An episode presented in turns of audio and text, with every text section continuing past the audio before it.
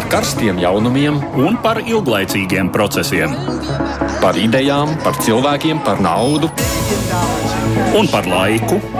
Par abām mūsu planētas puslodēm, un lietojot abas smadzeņu puslodes.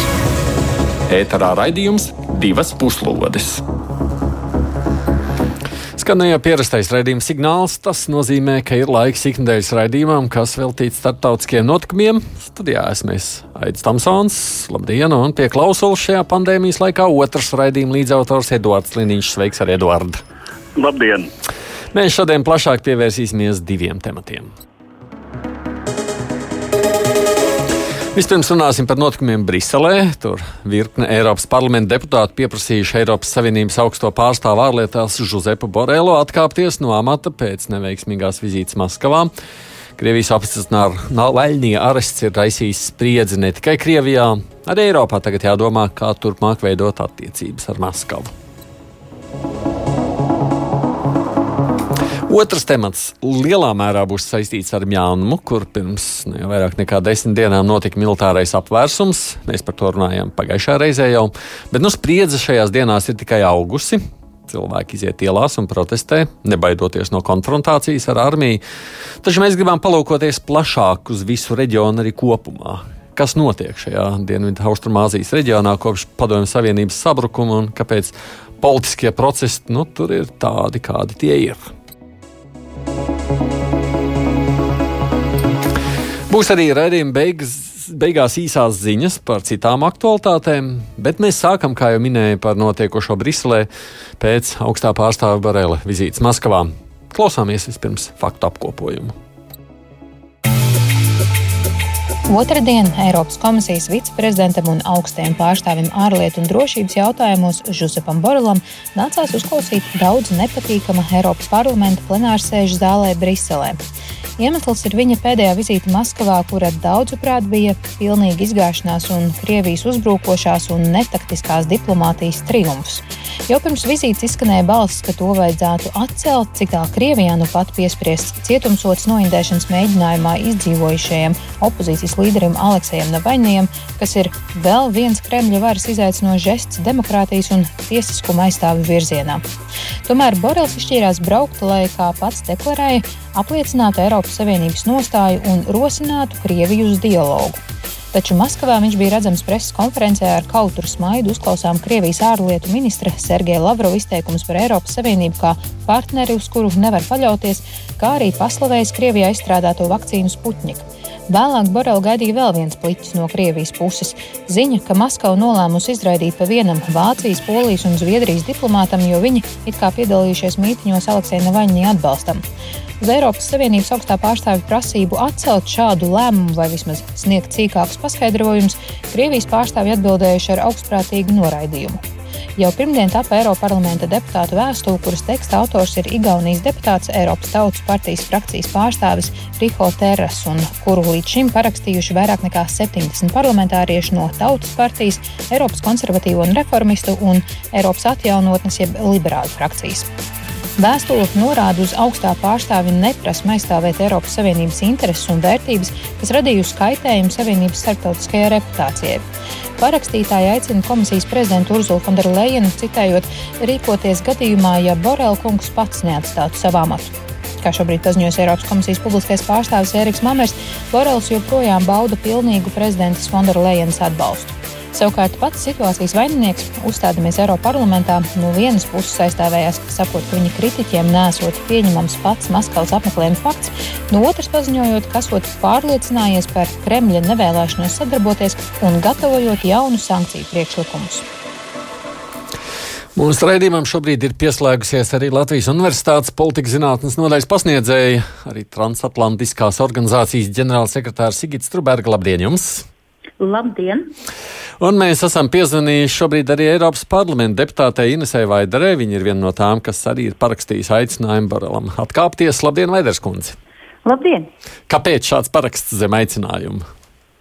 Nu, es arī biju viena no tiem deputātiem, kas parakstīja aicinājumu Borelam nedoties uz Maskavu pirms viņa vizītes, uh, jo tas bija pilnīgi skaidrs, ka notiks tieši tā. Es Borelu pazīstu jau 17 gadus, kopš savu pirmā sasaukuma no 20, 2004. Uh, gada, kad viņš parādīja, ka viņš ir visvājākais līdz šim bijis uh, Eiropas parlamenta prezidents, kas, piemēram, neatrada spēkus pieņemt no mums savulaik piemiņas plāksni totalitārā komunisma upuriem. Nu, viņa viedokļi uh, vienmēr ir bijuši nu, nekādi, es gribētu teikt. Un tas ir cilvēks, kurš zinot Lavrovu, Lavrovs arī vairāk kārt uzstājies dažādos fórumos un arī pie mums ārlietu komitejā savulaik. Nu, es redzēju, viņš ir, lai nu mums patīk vai nepatīk, bet nu, viņš prot izmantot situāciju. Un es zināju, ka Borels šajā divcīņā būs totāls zaudētājs, un tas ir arī noticis. Un, Viņam bija pirms tam arī priekšlikumi tikties ar Baltijas valstu pārstāvjiem, lai nu, pārunātu šo situāciju. Un pēc neoficiālas informācijas viņš ir uh, pat izteicies, ka nu, ar tādiem radikāļiem viņš nevēlas runāt. Tā kā nu, kādi nu, radikāļi Baltijas valstīs vienkārši mēs zinām, ka Krievija sarunās ciena konsekvenci, noteiktību un, uh, un protams, arī uh, uh, spēku. Nu, kaut ko varbūt tagad bet... nevar parādīt. Jā. Tad es vēlāk, ja jūs uh, man dosiet laiku, es arī pakomentēšu viņa uzstāšanos Eiropas parlamentā, kas, manuprāt, bija mazākais smieklīga. Tieši tāda pat kā viņa vizīte. Nu, tad palieciet pie klausulas, lūdzu, nenolieciet. Tad arī, protams, vēl varēsim turpināt sarunu. Ko jūs pārējie sakāt? Strunbergs kundze vispirms par šo notikušo. Eh, jā, par notikušo. Nu, šai ziņā jāsaka, ka mani patiesībā zināmā mērā pārsteidz nedaudz, ka tiešām viņam, nu, jāsaka, ļāva braukt.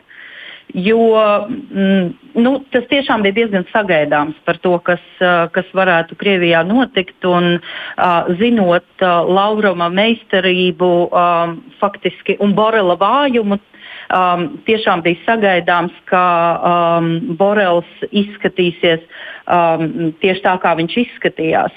Un tas tiešām, mm, nu, mm, tiešām bija pazemojoši. Un faktiski uh, tas, uh, kas bija sākotnēji Borelam stājoties amatā uh, solīts, uh, mm, šoreiz absolūti apliecinājumu mēs neieraudzījām. Uh, nu, nu, ka nenotika. Mēs neieraudzījām nespēcīgu balsi, nevienotību, ne arī uzstājību. Un, uh, un pēc, tam, uh, pēc tam, kad Borels atgriezās, ja, mm, tad faktiski uh, nu, uh, tas, ko viņš uh, uzstājoties uh, taisnojās, ja, um, stāstot par to, ka mm, viņš mēģinājis uzzināt, vai tad būs iespējama partnerība uh, ar Krieviju. Piedodiet, nekad nav bijusi Eiropas Savienībai partnerība. Uh, ar Krieviju vai tos tradicionālos pīlārus, ko viņš pieminēja atsevišķām Eiropas Savienības dalību valstīm, ir bijuši politiskās sadarbības tradicionālie pīlāri, bet vienīgais Eiropas Savienības Krievijas attiecību lielais pīlārs ir bijusi ekonomiskā sadarbība. Pārējais no laika gala Eh, kopš noslēdza Eiropas-Krievijas strateģisko partnerību, ir bijusi uh, galvenokārt rietumu tāda apcerīga domāšana par to, kā ar Krieviju varētu veiksmīgi sadarboties. Un tas bija vēl, piedodiet, krietni pirms uh, uh, Ukrainas un pat Grūzijas. Mm. Uh. Eduards, tavas domas? Jā, nu viens aspekts, protams, ir Borelija kunga um, individuālās kvalitātes, kas acīm redzot nebija un nav atbilstošas uh, šādam duelim, kā jau iepriekšējā runātāja to atzīmēja. Tas, protams, ir jautājums, uh, cik lielā mērā viņš vispār atbilst ieņemamajam amatam, jo acīm redzot, ja viņš netiek galā ar Lavrovu, uh, viņš droši vien tikpat nepārliecinoši būs uh, dialogā arī ar, teiksim, uh, Ksīdziņpiņu vai citu um, Eiropas autoritāru vai pusautori, tātad pasaules autoritāru vai pusautoritāru līderi, ar kur būs jārisina kādi līdzīgi jautājumi. Nu, tātad arī Erdogans viņu mierīgi iebāzīs maisā. Un tā tālāk. Mm, tas ir uh, viens, un tas, protams, izriet no tā jautājuma, nu, kā vispār tiek šie pārstāvji izvēlēti. Eiropas komisijai, kas ir tāds uh, nu, uh, Eiropas Savienībai īpatnējs mehānisms, uh, ka tie no vienas puses ir nāciju pārstāvji, uh, no otras puses viņiem būtu jābūt augstas rautas profesionāļiem, sava, savas nozares. Uh, nu, acīm redzot, izcilākajām personībām no šīm valstīm, kas nevienmēr tā ir. Nu, un, protams, arī um, diemžēl, diemžēl Borelija kunga personā mēs redzam uh, šo vidusjūras reģiona valstu ierasti tādu um, izprotošo, jā, tā kā Vācijā ir šis uh, apzīmējums Putina Verstēra, tas ir Putina sapratēji. Ja, un, un vidusjūras reģionā tādu Putina uh, sapratēju un, un Krievijas draugu uh, ir uh, tradicionāli bijis daudz. Uh, nu, diemžēl, jā. Nu, mm. Nekur, nekur sprūk no šīs nu, bet, uh, šis jautājums šobrīd ir Strunbergas kundzei. Jūsuprāt, ir kādas cerības, ka uh, Borels varētu atkāpties?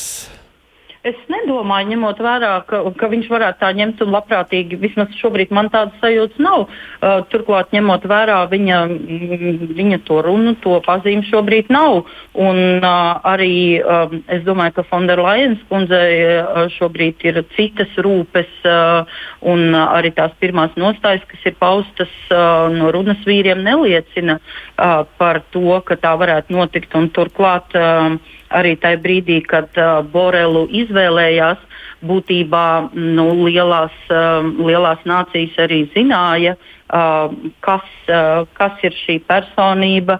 Un, faktiski uh, Francijas uh, vēlēšanās, piemēram, uh, joprojām veidot dialogu ar Krieviju, uh, nekur jau nav palikusi. Arī Vācijas ekonomiskās intereses um, arī tepat vien ir. Mm -hmm. Mūsu kolēģe, producente Ieva Zeiza sazvanīja Eiropas parlamenta deputātu no Lietuvas Jozas Olekas. Viņš pārstāv sociālistu un demokrātu grupu, nu, kur arī īstenībā Borelis pārstāv.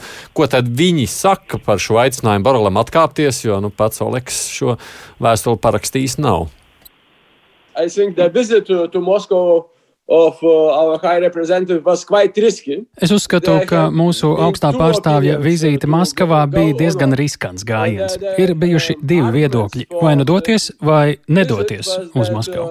Argumenti par labu vizītei ir bijuši piemēram tas, ka situācija ir ļoti nokaitēta. Aleksējs Navaļnīs ir notiesāts un ir jautājums, Kā mēs varam ietekmēt šo situāciju? Oponenti no centra pa labi saka, ka mēs nevaram diskutēt ar Krieviju un tāpēc nevar arī doties vizītē bet citas valstis, Francija, Spānija, Vācija un arī virkne Eiroparlamentāriešu uzskata, ka augstajam pārstāvim ir jādodas uz Maskavu, lai šos jautājumus apspriestu ar Lavrovu un personīgi parādītu Eiropas Savienības nostāju. Pēc šīs vizītes mums ir sajūta, ka tā ir bijusi neveiksmīga. Es piekrītu, ka tā ir bijusi neveiksmīga komunikācijas jomā. Preses konferencē Lavrovs dominēja un izturējās visnotaļ iedomīgi, lai izmantotu situāciju savā un Krievijas režīma labā.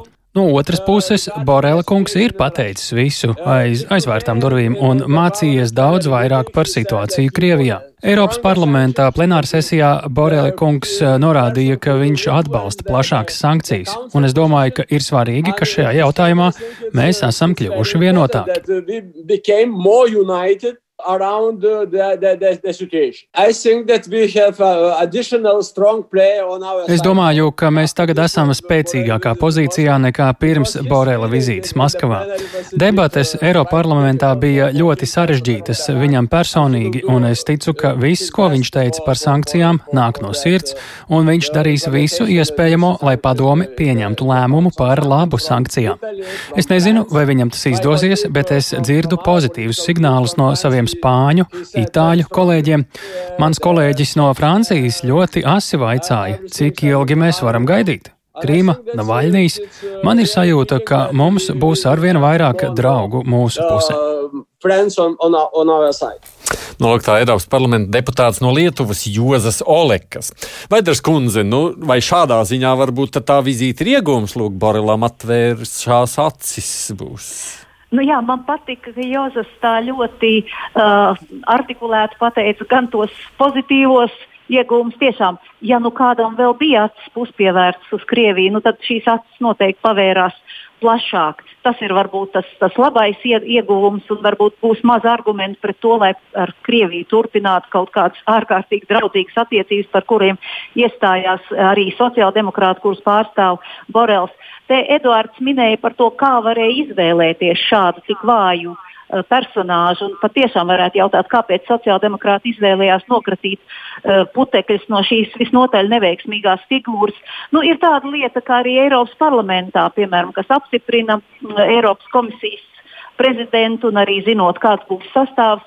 Uh, ir arī tā pati frakcija sadrumstalotība, kā sājumā. Lielākā frakcija ir manējā ETP frakcija, bet turpat netālu ir arī sociāldemokrāta frakcija. Un mēs zinājām, ka šis augstākais pārstāvis būs ļoti vājš, bet mēs tur neko nevarējām darīt, jo nu, mums nav šīs zelta kārtas mūsu rokās.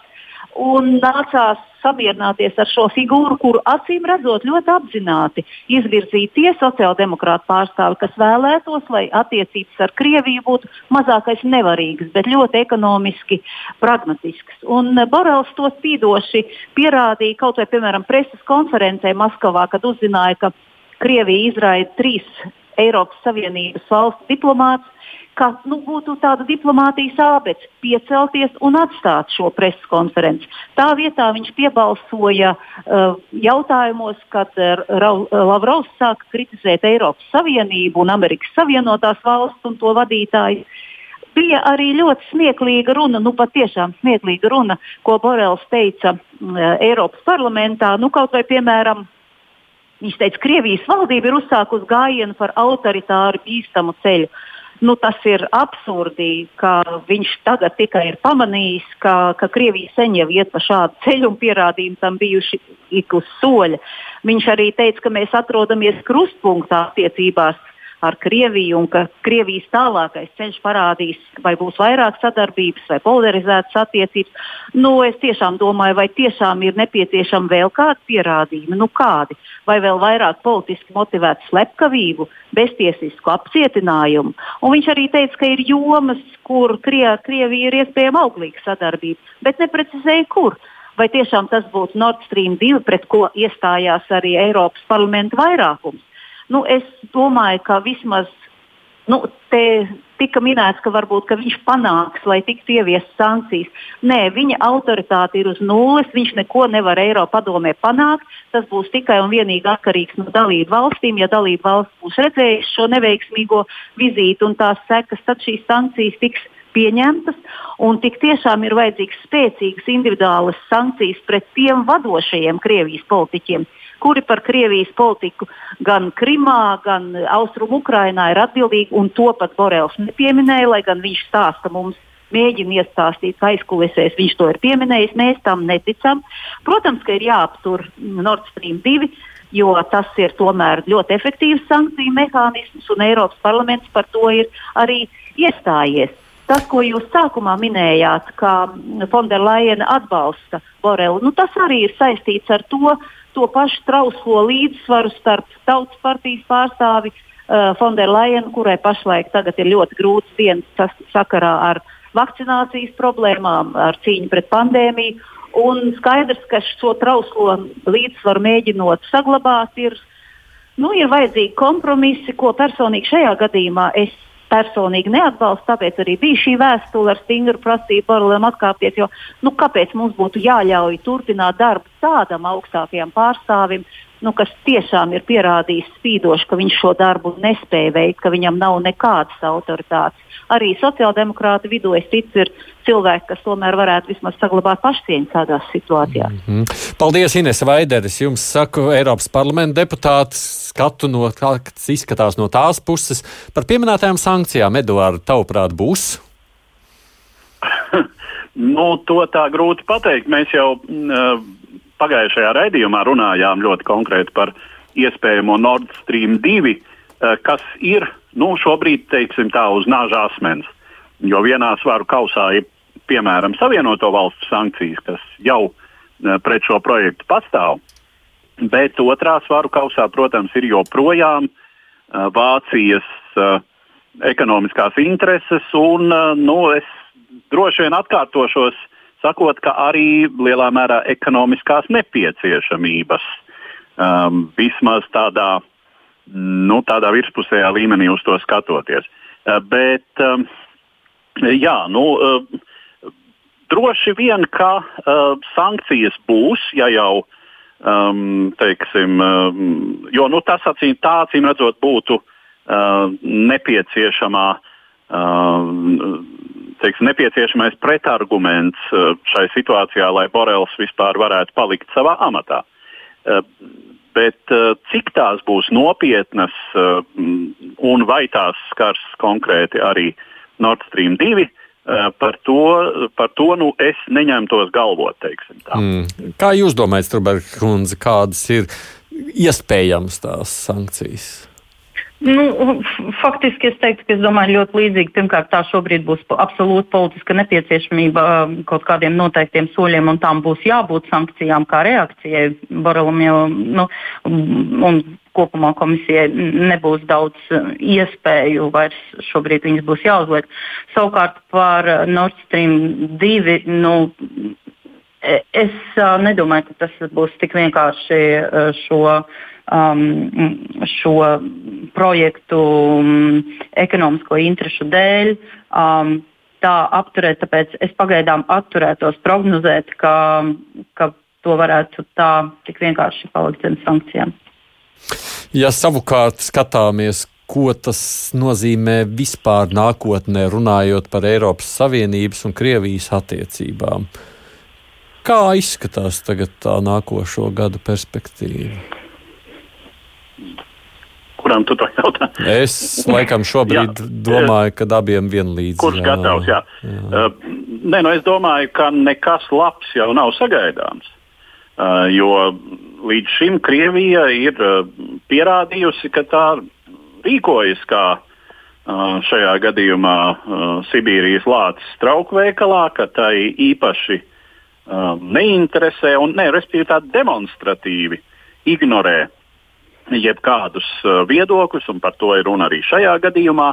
Um, ne tik daudz pat tas, ka um, tā nostāja ir nerēķināšanās vai, nu, teiksim, no Krievijas viedokļa nepakļaušanās kādam spiedienam, bet tas, ka tas tiek darīts demonstratīvi. Uh, un uh, demonstratīvi tāpēc, ka tas ir uh, šī brīža Krievijas varas taktikās savas uh, politiskās ietekmes iekšpusē, Krievijas iekšpusē, iekšēji cementēšanas faktors. Uh, Tātad uh, arī pierādīt, ka nekāds rietumu viedoklis nelīdzēs ne Navainijam, ne jebkuram citam, kurš atļausies nostāties opozīcijā nopietni šim Kremļa režīmam.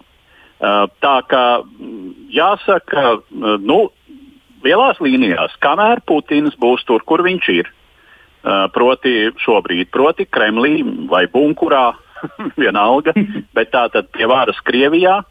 Uh, viņa līdzgaitnieki būs savās varas pozīcijās. Uh, es, domāju, uh, es domāju, ka būs tikai sliktāk un sliktāk attiecībās ar Eiropas Savienību.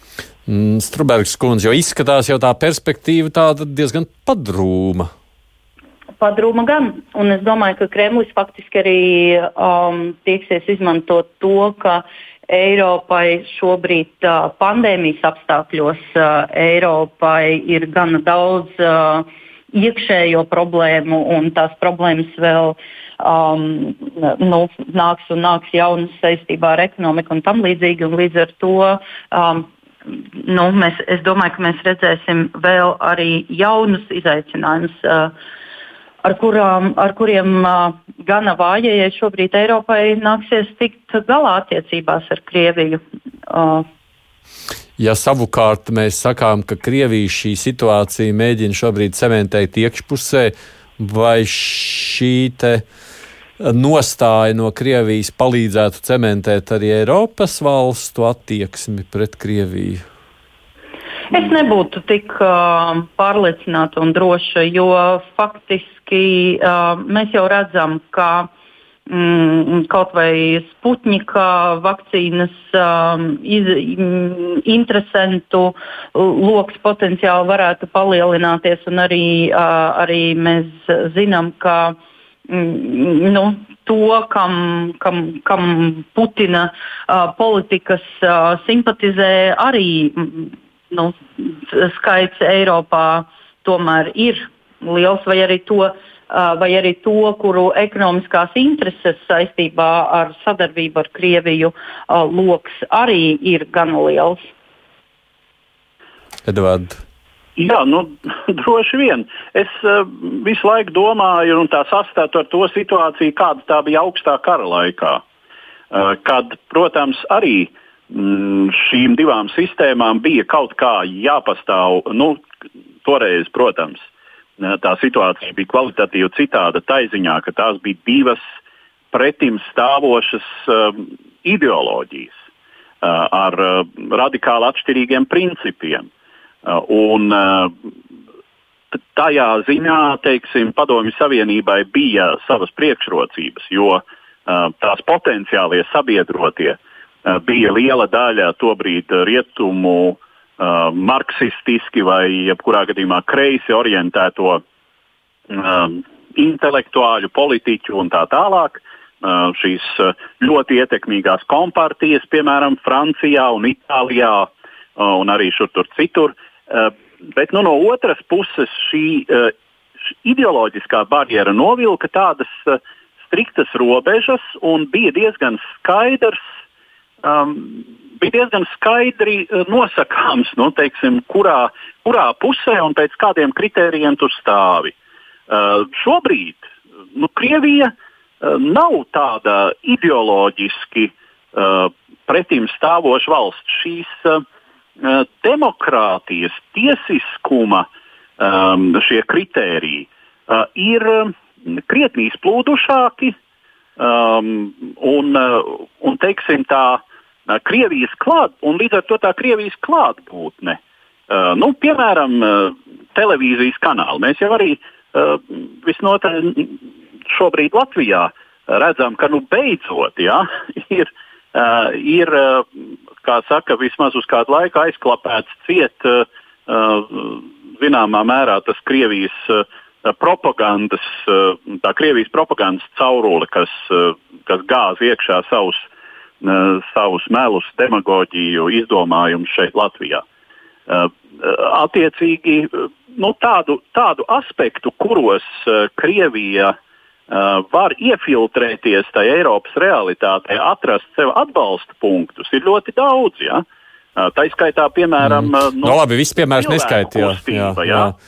Mēs, mēs arī nezinām, ko domā tas vai cits krievs, kurš pārceļas dzīvot uz jebkuru citu Eiropas valsti. Un tikai mēs dzirdam, ka barā, kurš gāžas iekšā Savienoto Valstu Kapitolijā, 6. janvārī kāds kliedz arī krievu valodā pēkšņi. Ja? Nu, pārsteigums gan. Nu, labi. Neturpinām šos. Vēl jau, jā, no. vēl, jau, vēl jau bez informācijas vidas ir arī ekonomiskie mm -hmm. instrumenti. Mēs pēkšņi ieraugam, ka, ka, ka Krievijas kapitāla daļas jā, ir. Uh, Krievijas uzņēmēju kapitāla daļas ir arī uzņēmumos, kas kontrolē mūsu kritiskās infrastruktūras kaut kādus objektus un tam līdzīgi. Eiropā tur ir ļoti daudz ko uzskaitīt. Man šķiet, ka nu, tā robeža galīgi vairs nav, nav tāda tiešām tik viennozīmīga, kā bija augstā kara apstākļos. Un uh, vēl viens kritiski nozīmīgs aspekts noteikti ir tas, ka arī ticība tām demokrātiskajām vērtībām vairs galīgi nav tāda kā iepriekš. Un ir, un ir pierādījies arī tas, ka m, mm, vairs uh, nav tā tā saikne starp uh, demokrātiju un ekonomisko attīstību, kurai ilgstoši ticēja, ka arī tā vairs nedarbojās, un tas liek cilvēkiem domāt, ka varbūt ka demokrātija vairs nav tik nozīmīga un tas kopumā rada jaunus izaicinājumus mm. demokrātijām rietumos, ne tikai Eiropai. Labi, mums ir otrs temats, kam vēl gribam veltīt uzmanību. Tāpēc pārējām uz tālāku Āzijas pusi. Tas ir saistīts ar Mjanmā notikušo apvērsumu, bet vispirms par notikumiem pašā Mjanmā. Jau pirmajās dienās pēc apvērsuma Mjanmā, kurā varu sagrāba militārā hunta ar ģenerāli Minu Aunu Hlainu priekšgalām, šķita, ka sabiedrība gatava samierināties ar šai valstī jau ierasto ģenerālu valdīšanu, tad kopš nedēļas nogales Jangonā un citur valstī ielās iziet tūkstošiem protestētāju, paužot huntas varas noliegumu. Kā atzīmē novērotāji, protestētāji pamatā ir jauni ļaudis, paudze, kas augusi jau salīdzinoši brīvā un pasaulē atvērtā sabiedrībā. Tas atspoguļojas arī protesta formās. Demonstranti daudz vietā tērpušies spilgtos, uzmanību piesaistošos apģērbos. Viņu plakāti ir angļu valodā ar globālu uztveramu ironiju un asociācijām. Tā piemēram, kāda protestētāja pacēlus plakātu ar uzrakstu Mans bijušais nebija labs, bet militāristi ir vēl sliktāki. Vienā no provinces pilsētām protestā pret diktatūru piedalījušies arī vairāk desmit policistu. Pagaidām gan nekas neliecina, ka hunta būtu gatava piekāpties šim spiedienam. Pret demonstrantiem raidīti policisti, kuri viņu izklīdināšanā lietojuši ugunsmetējus un gumijas lodes, kā arī vismaz dažos gadījumos kaujas munīciju. Rezultātā viena protestētāja nogādāta slimnīcā ar smagu ievainojumu galvā, viņas dzīvībai joprojām draud briesmas. Savienoto valstu prezidents Džo Baidens vakar paziņoja, ka pret diktatūras pārstāvjiem, viņu ģimenes locekļiem un biznesa interesēm tiks vērstas sankcijas. Divas puslodes. Man gādījumā pie klausos Latvijas Universitātes pasniedzējs Sigits Trubergs un raidījuma līdzautors, raidījuma līdzautors Edvards Liniņš. Jūs prāt, ar ko šī spriedze starp protestētājiem un to varu pārņēmušo armiju varētu beigties? Asins izliešanas nebūs Trubergs kundze ko labu protestētāji. Jāsaka, manuprāt. Nu, proti, tas nozīmē, ka spriedze augs un. Es domāju, ka faktiski tas drīzāk būs jautājums par to, kā, cik ilgi tie protestētāji ies ielās. Nekāda, nekāda miermīlīga demokrātiska atrisinājuma, nu, vismaz es, godīgi sakot, tur neredzu. Varbūt, ka mm, Lintiņa kungam būs cits viedoklis, bet, bet nu, es domāju, ka jautājums ir par to, kā tiks apsprie, apspiests, uh, apspiesti šie demonstranti. Faktiski, ja mēs uh, atskatāmies, atskatāmies uh, kopumā Mjanmas vēsturē, nu, tāda patiesa, dziļa demokratizācija, lai arī ir šīs vēsmas, um, nu, viņa nav bijusi. Un uh, dziļas demokrātijas saknes tur nav. Un, uh, un faktiski arī mm, nu, tās uh, intereses uh, lielvalstu, kas ir ap šo, uh, ap šo nelielo salīdzinošu valsti, neļaus šai valstī uh, attīstīties uh, nu, demokrātiskā virzienā arī tālāk. Par interesēm mēs tulīt runāsim. Par vēsturi jau pagājušā reizē jau pārunājām. Edvard, kā tu domā, kas tur viss, kā tas viss attīstīsies? Droši vien bija jāpiekrīt Stūbergas kundzei tā ziņā, ka uh, līdz šim uh, vispār šajā reģionā ir uh, vāja un rudimentāra demokrātijas pieredze. Tur tādu īsti demokrātisku valstu nav uz austrumiem no Indijas. Um, un, um, nu, jā, nu vienīgi Singapūru var, var šobrīd varbūt var minēt. Um, Malaisija zināmā mērā, bet uh, visās šajās Indoķīnas pussalas valstīs ir vai nu faktiski vēl, vēl tādi neo uh, padomi totalitāris, padomi totalitārismu stila režīmi, vai arī tādas pusdemokrātijas, trešdaļas demokrātijas. Uh, nu, Otrs, varbūt, protams, ir tas, ka uh, ir globalizācijas laikmets un šie jaunie ļaudis uh, skatās uz to, kā cilvēki dzīvo, domā, kādas brīvības viņi bauda uh, citur pasaulē. Uh, un arī teiksim, pieslēgt pasaules uzmanību uh, ir kļuvis daudz vieglāk. Uh, šīs tendences, nu, teiksim, uh, mm, kam ir savs iespējas. Un, uh, Nu, katrā ziņā pēdējās desmitgadēs visās šajās valstīs uh, nu, ir notikuši zināmi tādi nelieli soļi demokrātijas virzienā. Nu, arī, teiksim, gan, Mjanmā, gan kaimiņos Taizemē uh, militāristi nu, palaiž pa brīdim uh, demokrātiski vai, vai nu, teiksim, vismaz tādās vēlēšanās ievēlētu valdību. Uh, nu, ne tikai acīm redzot eh, tādas uh, globālās pieklājības ietvaros, bet uh, acīm redzot arī tomēr vietējās sabiedrības noskaņojuma dēļ. Bet cerēt, ka šis šis Mjanmā būs lūzuma posms, lūzuma moments, nu, diemžēl acīm redzot, nenākas. Mm. Jautājums, jā, nu, cik par to man grūti spriest, cik ilgi būs šie protesti attiecīgi, kādas tiem būs sekas, vai varbūt notiks kāda mm, emigrācija uh, no, uh, no Mjanmas, ja, ja tie režīma represīvie soļi kļūs vēl skarbāki. Nu, tas varētu būt. Jā. Mm.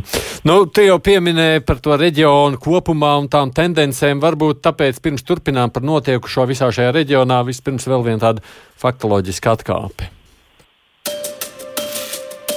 Šajā apskatā pievērsīsimies piecām Dienvidu-Austrumāzijas, jeb Indoķīnas pussalas valstīm - Kambodžai, Laosai, Mjanmai, Taizemē un Vietnamai. Lai arī šo valstu vidū vērojamas nozīmīgas politisko un arī sociālo-ekonomisko modeļu atšķirības, tās visas apliecina, ka demokrātijai nākas grūti iesakņoties šajā pasaules daļā. Periodā pēc koloniālisma ēras beigām, kā bija šie franču valdījumi Indoķīnas pussalas austrumdaļā, Vietnama, Laos un Kambodžu, tā arī bijušais britu īpašums Birma jeb Mjanma piedzīvoja ilgāku vai īsāku sociālismu celtniecības mēģinājumu periodu.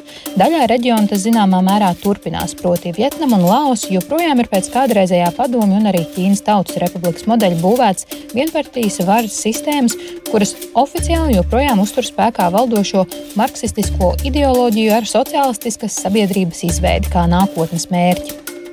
Tomēr ikdienas ekonomiskajā realitātē šīs valstis, līdzīgi kā mūsdienu Ķīna, pakļaujas globālajai brīvā tirgus dominantei.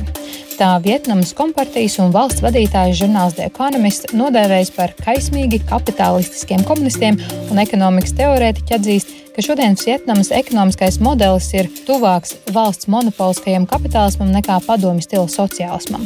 Kas attiecas uz Kampučiju, kura arī savulaik apmēram desmit gadi ietilpa padomju Savienības satelītu valstu skaitā, tā šobrīd nomināli ir konstitucionāla monarhija ar parlamentāru demokrātisku iekārtu, tomēr valsts politikā joprojām dominē kādreizējais Kampučijas tautas revolucionārās partijas aprindas, un tās līderis Hun Sens ir valdības vadītājs kopš 1985. gada. Par Mjanmas neseno vēsturi un pašreizējo politisko situāciju plašāk runājām jau raidījumā pagājušo nedēļu.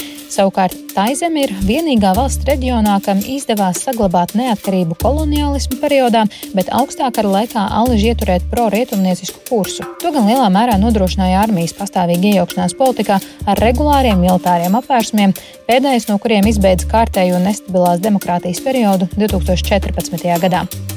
Kopš tā laika Taizemi vada Nacionālā miera un kārtības komiteja ar ģenerāli Prajutu Čanoču priekšgalā. 2019. gada martā notika vēlēšanas, taču par to godīgumu ir lielas šaubas, un tās būtībā tikai leģitimēja militārās diktatūras statusu. Arī Taizeme periodiski piedzīvo sabiedrības protestus ar prasībām pēc demokratizācijas. Pēdējie tādi notika pagājušā gada jūlijā un augustā. Klausoties šajā ierakstā, ir tā, ka nu, man izklausās šis Dienvidu Austrumāzijas reģions tādā pastāvīgā līdzsvara meklējumos starp sociālistisko kapitālismu un militāro demokrātiju. Kaut kā tā to varētu formulēt, Eduards. Demokrātija tas ir Jā. vēstures jēdziens, kas attiecas ne uz mūsu laikiem, bet uz senvēsturi vairāk. Bet, ja runā par to reģionu, tad jā, nu, tur ir uh, kā mēs redzam, kaut kādas padomju perioda paliekas, kad tiešām šajā reģionā nu, tā bija primāri, caur, primāri Vietnama, kas bija Padomju Savienības uzticams sabiedrotais. Līdz ar to pagājušā gadsimta 70. gados veidojās spriedze starp Vietnamu un Ķīnu. Ķīna tajā brīdī bija ar Padomju Savienību visai vēsās attiecībās. Um, un, attiecīgi, turpat bija militārs robežu konflikts starp Vietnamu un Ķīnu, uh, kas faktiski noslēdzās tikai 90. gadu sākumā. Uh, nu, uh, un, un pārējās valstis, nu, tad tuvāk vai tālāk no šīs asas, jā, otrā, otrā mm, šīs, šī spektra pusē Taizeme, uh, kas vienmēr ir bijusi un ir uzlūkota par rietumnieciski orientētu valsti, bet, uh, nu, kā jau dzirdējāt, tas nenozīmē ne demokrātisku, ne tiesisku sabiedrību. Eh, bet nu, lielā mērā tā ir, mm, nu, tā ir tradīcija, ka mm, šajā planētas daļā vispār tāda rietumu stila demokrātija nekad nav bijusi, nekad nav pastāvējusi. To arī uh, nav uh, tur uh, tiekušies ieviest īpaši um, tās teritorijas uh, koloniālie saimnieki, proti, Briti un Franči, uh, vairāk balstoties uz tradicionālām uh, tās sabiedrības struktūrām, tā skaitā monarhijām, kas tur tajā reģionā pastāvēja. Nu, jā, nu, tur, ir, tur ir, protams, vēl pieminot Kampučī, ja mēs vēsturē atceramies šis sarkano khmeru režīms, kas bija maoistisks, bet, bet vispār uh, nu, šausminošs savā represivitātē. Tur tiek lēsts, ka 25% Kampučijas iedzīvotāji gāja bojā vienkārši absolūti destruktīvā politikā. Mm, nu, tā kā mm -hmm.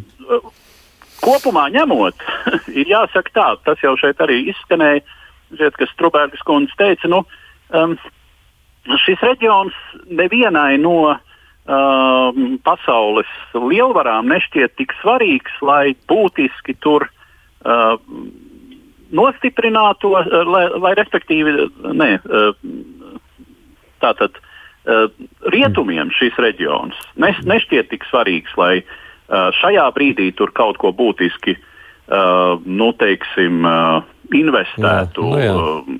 Ja, un, un, un, nu, par Ķīnas interesēm tas ir, tas ir plašāks un, un ļoti spilgts stāsts, bet arī ne tik viennozīmīgs, ka teiksim, Ķīna varētu uh, politiski vai ekonomiski uh, šo reģionu tā uh, teiksim, uh, pārņemt un iebāzt kabatā.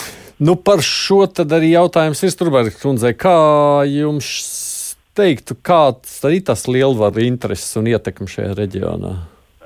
Faktiski, nu, te ir jāskatās um, tā, ka, manuprāt, uh, ka ASV neapšaubāmi šeit ir intereses reģionā, bet uh, ASV būs jāskatās, uh, kā šīs intereses balansēt ar Ķīnu, kas, ir, kas neapšaubāmi norāda uz, uz šo reģionu kā savu, savu interesu zonu. Un starp citu, Mjānma šai ziņā. Um, nu, tā, tā, tā, tā lielvaru izspēle Mjanmā šobrīd, šobrīd būs um, gana interesanta, jo nu, jau nu, uz, uz Mjanmas piemēram mēs redzēsim, vai Ķīna izvēlēsies nu, zināmā mērā sadarboties ar to pa, pašu ASV un nu, kā, ļaut nedaudz spēlēties zināmā mērā ar demokrātiju, ko Lintiņa kungs pieminēja. Ja?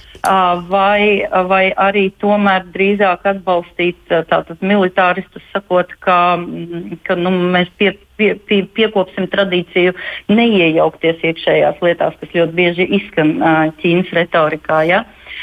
Bet faktiski, manuprāt, ilgtermiņā mēs neapšaubām redzēsim, ka Ķīna pieauguši uh, turpinās, uh, turpinās kāpināt savu lomu reģionā, Un tas, kas, manuprāt, pakāpeniski mainās, ir, ka ir arī atsevišķi, um, ja ne ideoloģiskie, tad autoritārisma elementi, ko Ķīna ir uzsākusi eksportēt, kas pirms tam īsti nebija novērojams. Mēs pagājušajā reizē jau runājām, man liekas, Edvards to sacīja, ka Ķīna jau nav pārāk ieinteresēta, lai tur būtu līdzās demokrātija liela, ja, ņemot vērā, tas viss mainās. Tieši tā, un starp citu atkal jau uz tā paša Mjanmas piemēra, jā, Ķīna jau nav ieinteresēta, lai tur būtu plaukstoša demokrātija mm -hmm. blakām, jā, labāk, lai tur ir, uh, nu, varbūt ne gluži sabrukusi valsts, jo tad uh, bēgļi dosies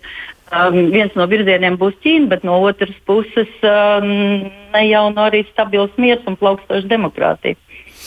Bet te mēs runājam, ka faktiski šobrīd, ja kāds vispār izrāda to interesi no Ķīnas, tad tā otra ir ASV pa citām mm, lielvarām mēs nevarētu neko teikt. Nu, Indija arī zināmā mērā ir um, savulaik um, runājusi par to, ka tai ir zināmas uh, intereses tajā pašā Mjanmā, uh, Mjanmas sakarā pat kāpinājusi uh, s, uh, nu, jūras spēkus uh, Bengālijas līcī, bet faktiski uh, Indija uh, salīdzinoši nav tik spēcīga, lai tiešām varētu kaut ko arī ietekmēt.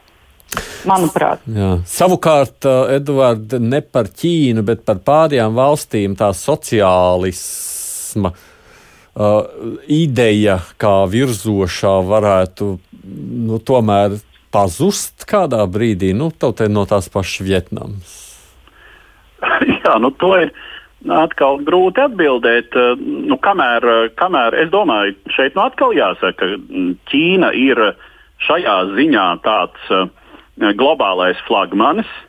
Uh, un tas, ko dara Vietnama un arī Laosa šajā brīdī, nu, tā ir mm, zināmā mērā šīs Ķīnas politikas atdarināšana. Proti, mēs saglabājam savu sociālisma ideālu, saglabājam šo idejisko uzstādījumu, tajā pašā laikā tomēr ļaujot darboties brīvā tirgus mehānismiem tik tālu, cik tālu nu, tie nodrošina normālu uh, vai normālāku dzīves līmeni, patēriņu un tā tālāk.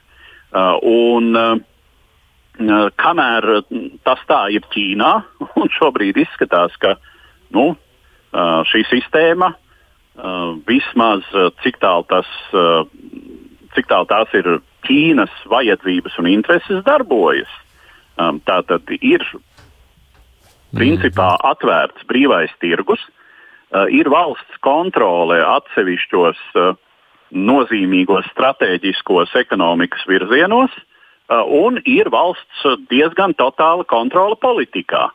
Un Ķīnā šī kombinācija darbojas, nu, tad kāpēc tā nevarētu darboties Vietnamā? Vietnamā. Nu, bet ja, īstenībā... ja tu man jautātu, jā. vai viņi uzcels sociālismu, tā kā tas klasiskā marksisma teorijā ir paredzēts, nu, tā tad sasniegs izsmels visas kapitālismu iespējas un tad uz šīs bāzes uh, veiks lēcienu sociālismā.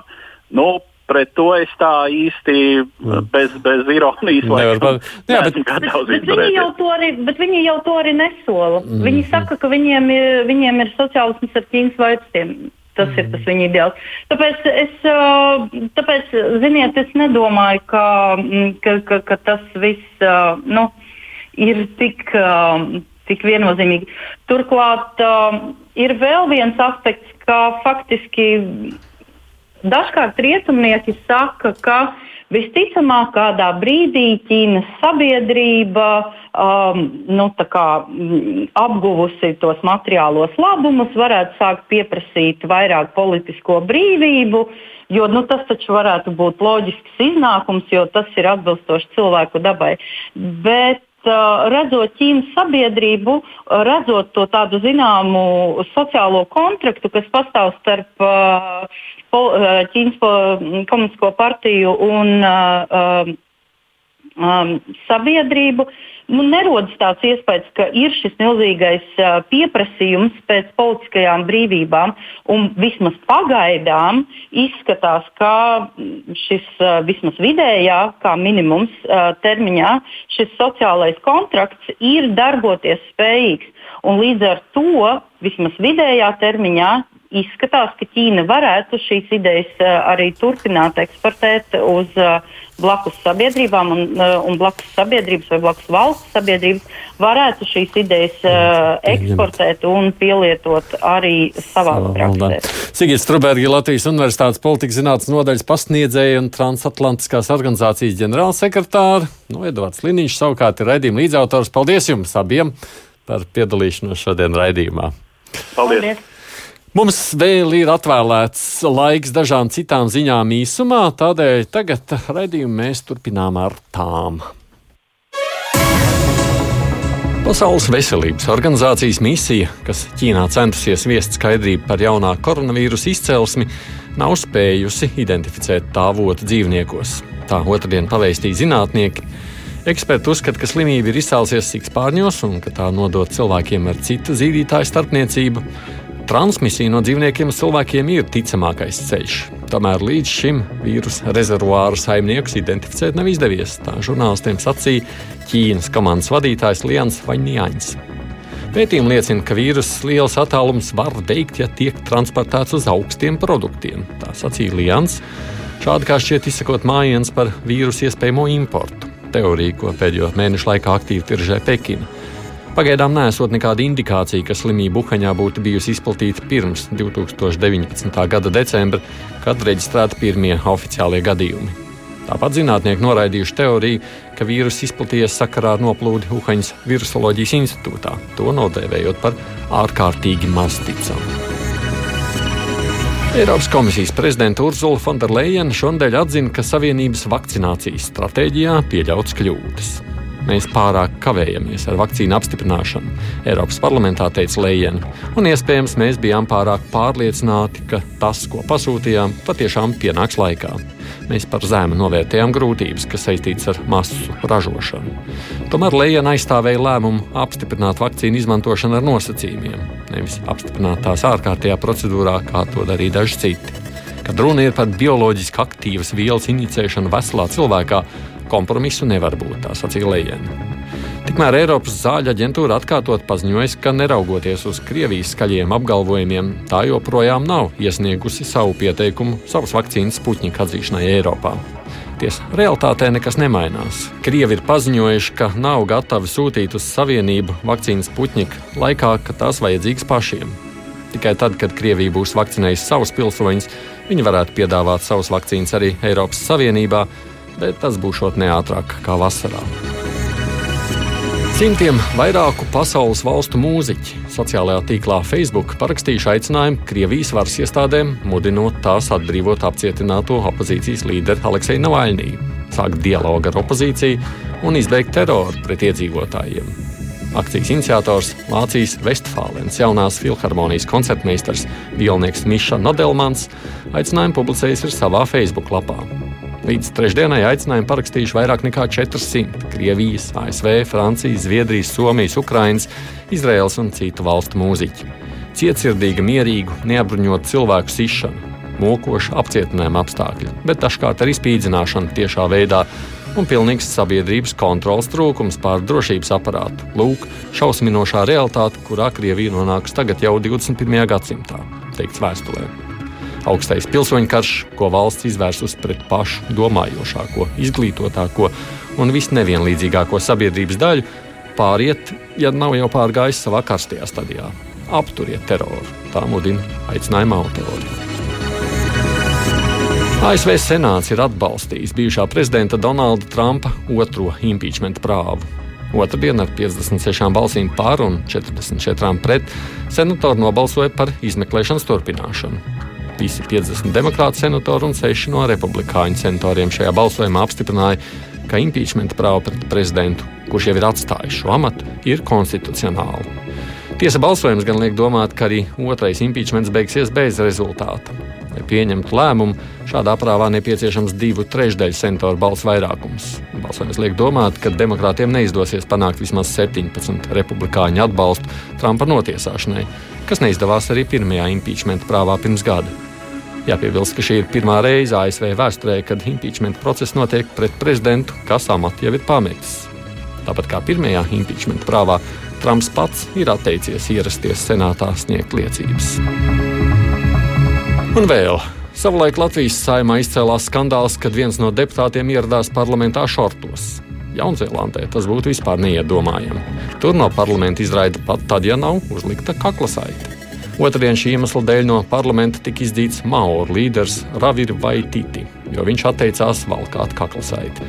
Parlamenta spīkers Trevors Mallerts divreiz liedza Vaititi uzdot jautājumus debašu laikā, norādot, ka deputāti drīkst jautāt tikai tad, ja valkā kaklasaiti.